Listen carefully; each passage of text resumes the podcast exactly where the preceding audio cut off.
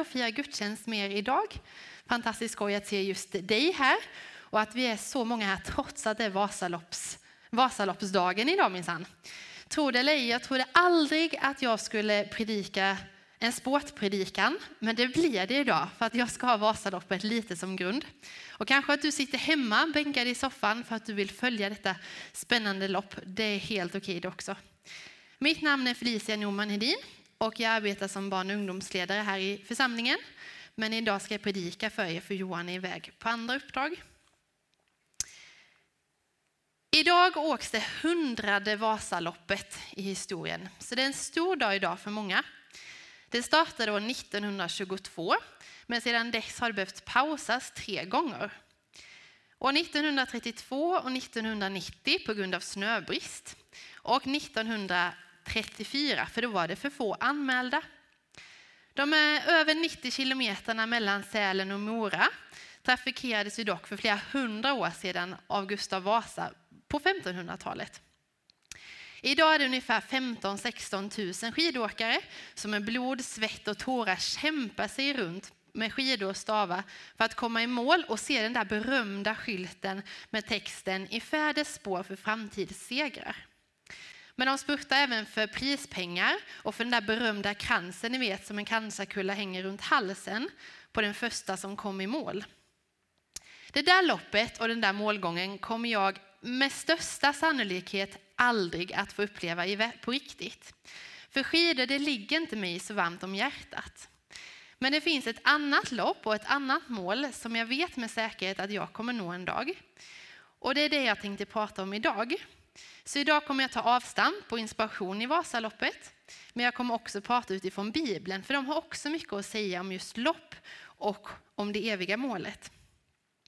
Jag läste på lite om just skidor inför den här predikan. Och för att få extra bra glid och åka extra snabbt och bra när man åker så ska man valla dem. Och jag tänker att vi ska valla den här predikan och lägga den i Guds händer så att den glider på riktigt bra och på det håll som Gud vill att den ska glida på. Tack Jesus för att du är här just nu. Tack Gud för att du har en plan och en tanke för den här stunden som ligger framför. Du ser det som jag tror att du har lagt på mitt hjärta. Om det är så, så bara tackar jag dig för det. Är det så att det har blivit snett på något sätt så ber jag att det bara ska få rättas till i var och ens hjärta Jesus. Jag ber att vi alla ska gå härifrån upplyfta, och uppmuntrade Gud, att vi ska få känna att du har talat till oss. Jag ber att det ska bli mindre av mig och mer av dig Jesus. Jag tackar dig för att du är här. Låt din vilja ske. Tack för att du ser precis vad vi behöver och du ser vår vecka har varit. Vi överlåter allt vad vi är och allt vad vi har inför dig.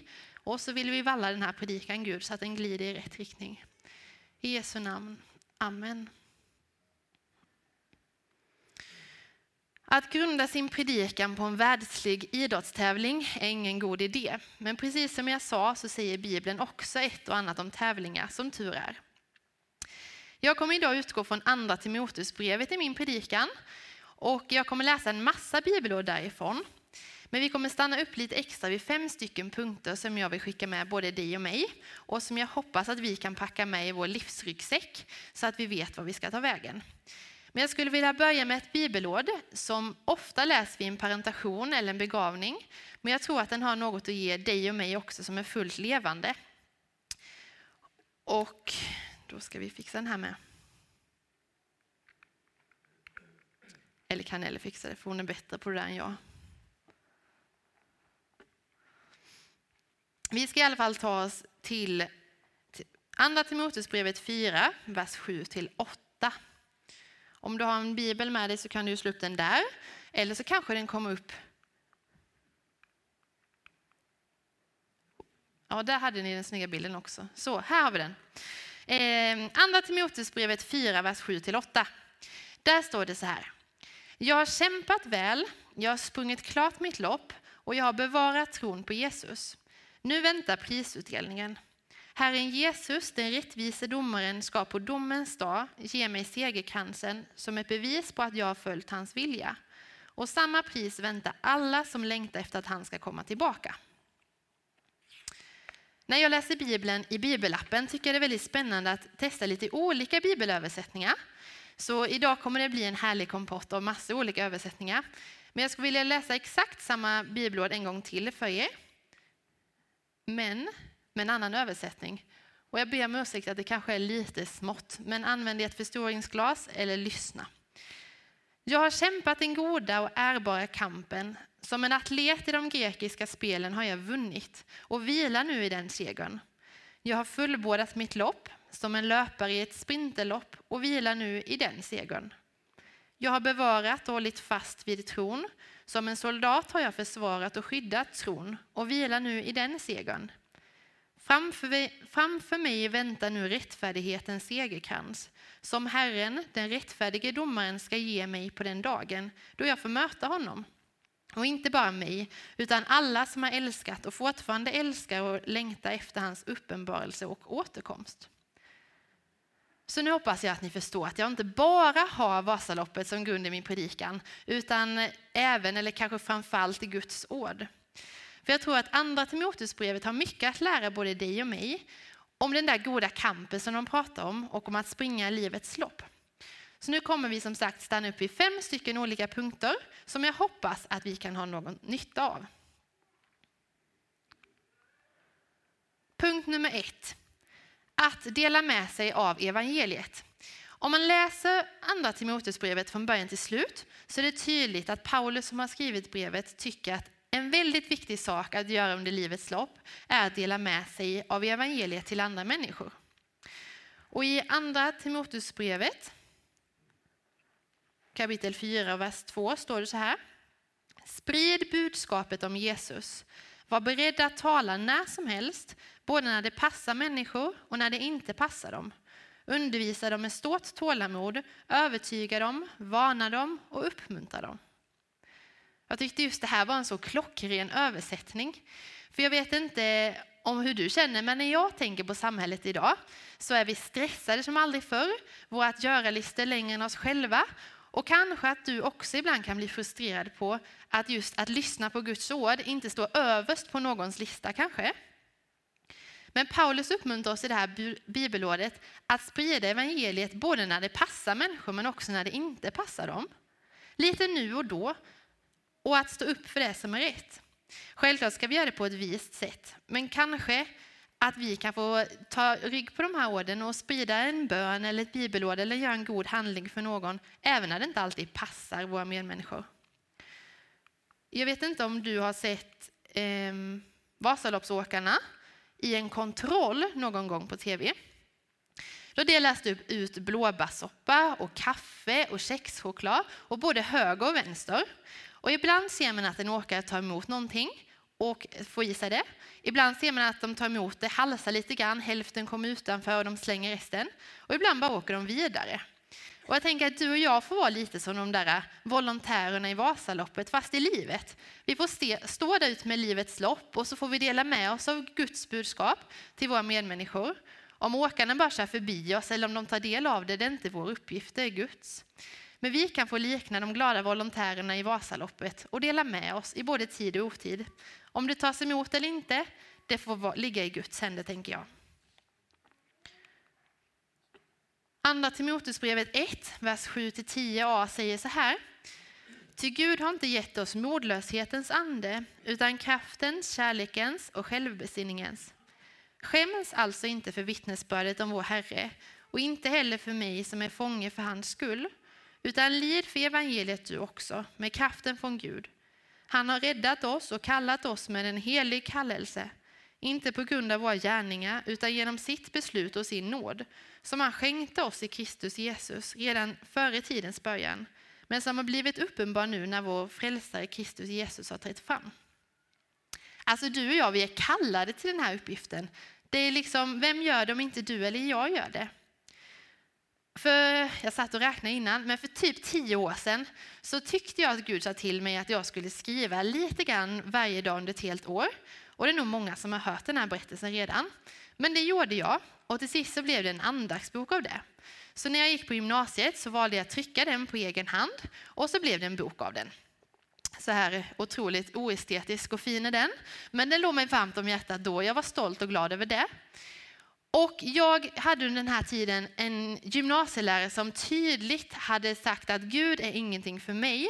Hon hade tydligt tagit avstånd och uttalat sig på ett lite klumpigt sätt kanske ibland kring just Gud. Men när den här låg på beställning och det inte hade kommit fram än så kände jag i mitt hjärta att Gud sa du ska ge den här boken till din lärare. Nej, tänkte jag, det ska jag inte alls, det, för det är bara så fel det kan bli. Liksom. Det är inte min grej. Men så sa jag, Gud, okej okay, vi gör så här. Om boken mot all förmodan skulle hinna komma i tid till skolavslutningen, då gör jag det. Men den ska ju levereras flera dagar efteråt, så om den liksom kommer för sent, då tänker jag inte göra det. Så jag bad den bönen och sen så lät tiden gå. Och flera dagar innan skolavslutningen får jag ett pling i telefonen. Ofta blir man ju glad när saker kommer i tid, men den här gången var det lite jobbigt. För böckerna hade liksom mot alla odds kommit i tid. Så jag kände att jag inte hade någon undanflykt. Utan jag tog den här boken, gick fram till min lärare och sa här, varsågod. Och sen blev det jullov, fantastiskt bra timing. Eh, men tiden gick och det visade sig sen på vårterminen att hon visst hade bläddrat och läst i boken. Och hon sa något sånt där, ja jag märkte att man läser ju inte hela på en gång utan jag tar lite nu och lite då. Och det var ju precis så jag hade tänkt. Jag vet inte om det gjorde någonting i hennes liv. Men i det här bibelordet säger Gud till oss att vi inte har fått modlöshetens eller rädslans ande utan kraftens, kärlekens och självbesinningens. Så våga dela med dig av Jesus där du går fram på det sätt som känns rätt för dig. Precis som de där volontärerna delar ut blåbärssoppa och kexchoklad. Ibland säger folk jajamän, tack så mycket och ibland åker de förbi. Det är inte vår uppgift att, att bestämma över det, men att dela med oss, det är vi kallade till. Punkt nummer två. Träna nästa generation och var en andlig förebild. Det är en annan sak som Paulus tar upp i sitt brev till Timoteus. Och i andra Timoteusbrevet kapitel 2, vers 1-2 står det så här. När det gäller dig, mitt barn, hämta nu kraft gång på gång i den nåd som finns hos Jesus Kristus. Det du har hört om mig inför många vittnen ska du ge vidare åt pålitliga och trogna personer som i sin tur ska kunna undervisa andra. Jag vill läsa ett till bibelord när vi ändå är igång. Ett kapitel fram ifrån kapitel 3, vers 10-11. Men du har följt, varit närvarande och noga sett min undervisning, livsstil, målsättning, tro, tålmodighet, kärlek och uthållighet. Mina förföljelser och lidanden som de i Antiochia, Ikonium och Lystra. Vilka förföljelser har jag inte fått utstå, men Herren har räddat mig ur dem alla. Jag har vid ett par tillfällen fått möjlighet att lyssna på en god talare från USA som heter Rachel Turner. Och hon har vi de här två tillfällena pratat om att skapa fönster i sitt liv där andra människor kan lite få glänta in i ens liv och se hur Gud verkar i, i ens eget liv. En möjlighet att se hur jag och hur du lever tillsammans med Gud och på så sätt få bli en förebild i trons både med och motgångar. Och sådana där förebilder har jag många här inne. Andliga förebilder som jag tar rygg på och inspireras av i min tro. Och jag tror det är viktigt att vi alla har det, men också att vi inser att vi är det för någon annan.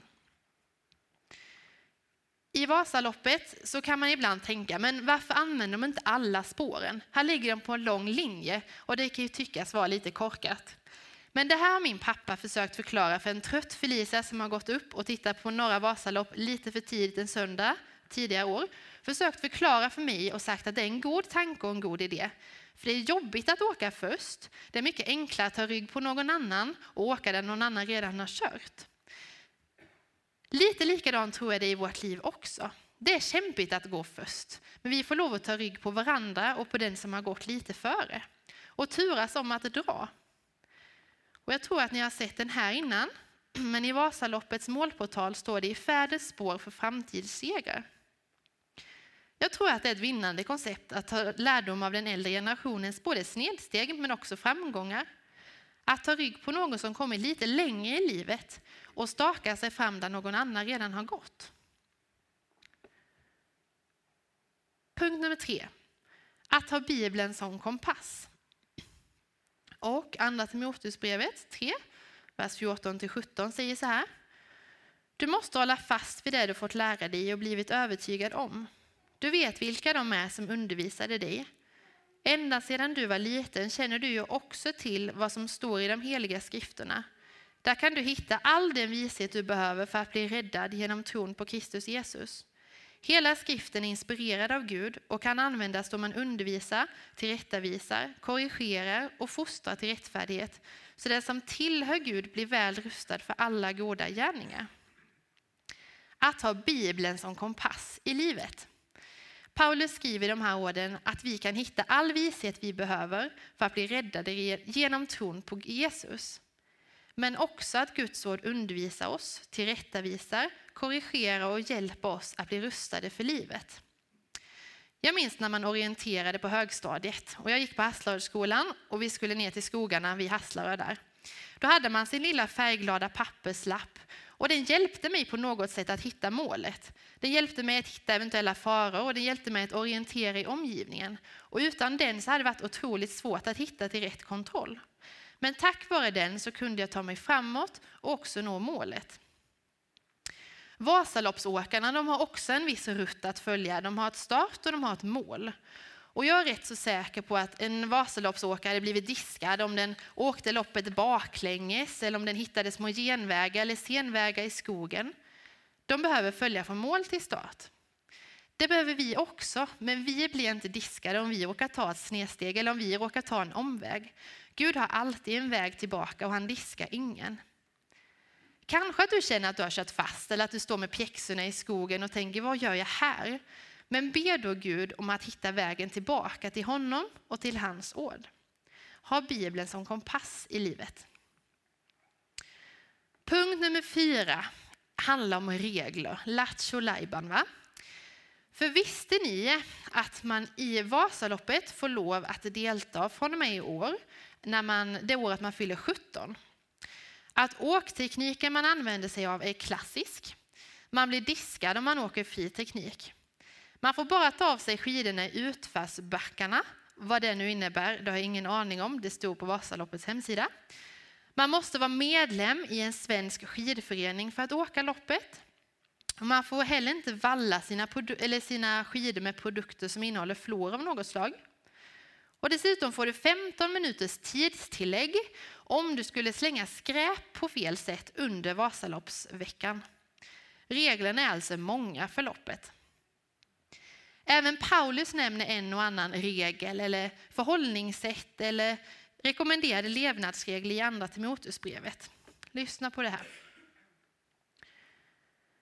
Fly ungdomens omogna och onda begär. Sträva istället efter rättfärdighet, att leva rätt och i fullkomlig harmoni med Guds vilja. Tro, kärlek som är osjälvisk och utgivande och frid tillsammans med dem som åkallar Herren av rent hjärta. Däremot ska du undvika dum, dumma och meningslösa dispyter.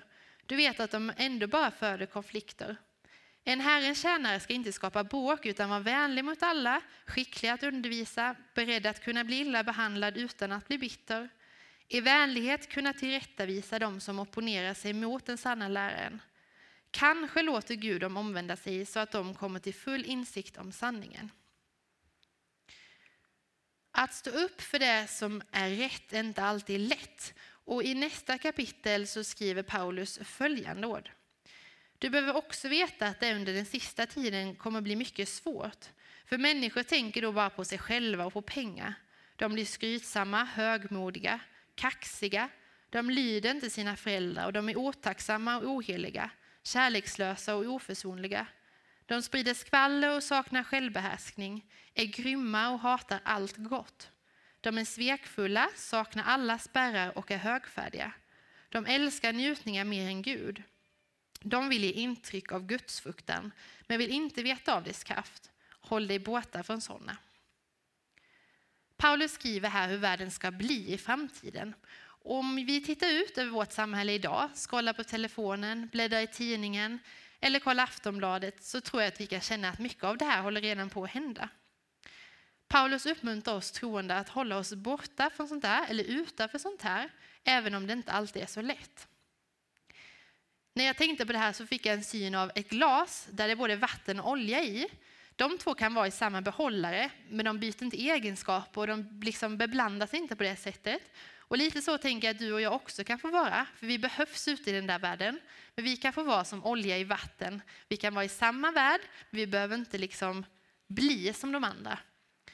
Och det tänker jag är en, en tanke att ha med sig. Jag vet inte hur stämningen vid starten av Vasaloppet är, men när jag tittar på tv och killgissar lite så tror jag att den är ganska glad och peppig. Jag tror den är förväntansfull och så hoppas jag att man vänder sig om till den andra och säger lycka till, kör hårt nu. Om inte annat så tror jag att de där åkarna fått ett och annat hejarop hemifrån, kanske ett sms eller ett telefonsamtal.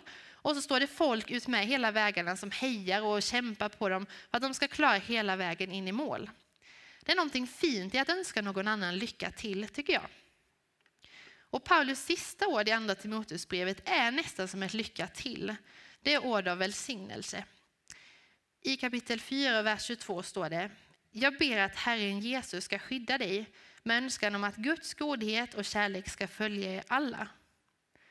Jag tänker att du och jag som får, får bli som de där peppiga supportrarna i Vasaloppet eller som Paulus som ber om Guds välsignelse över dem vi möter under livets lopp. Vi behöver uppmuntra varandra, vi behöver peppa varandra, heja på varandra, se varandras styrkor och turas om att dra när livet är lite tufft. Så vad vill jag nu ha sagt med den här Vasaloppsinspirerade predikan? Jo, du och jag är med i livets lopp.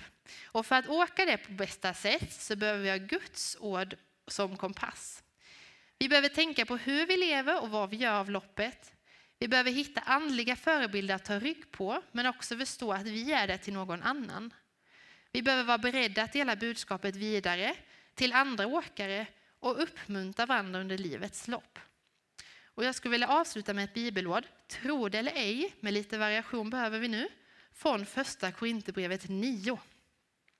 Där står det så här. Tänk på löparna i en stor idrottstävling.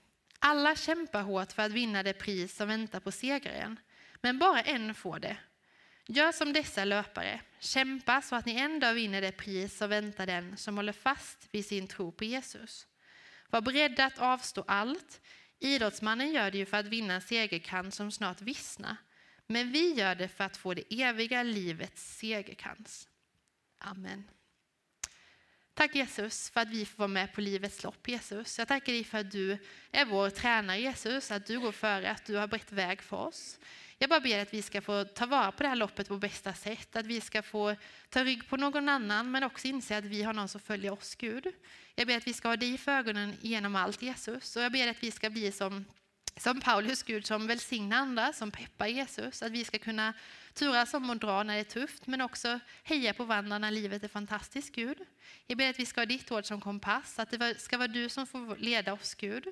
Jag ber att vi ska tänka på hur vi lever, men också finnas där för dem som, som inte har nått dig än, Jesus. Jag ber dig om frimodighet, att vi ska dela ordet vidare, som de där volontärerna som delar ut blåbärssoppa, Gud.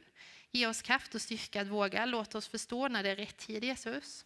Tackar dig för att du är här och för att du vill använda oss. Och låt oss en dag få nå det där eviga målet, Gud. Låt oss få den där segerkansen. Inte för att vi är vi eller för att vi har gjort en massa bra saker, inte alls Gud, utan på grund av det du har gjort för oss och för att du älskar oss, Gud.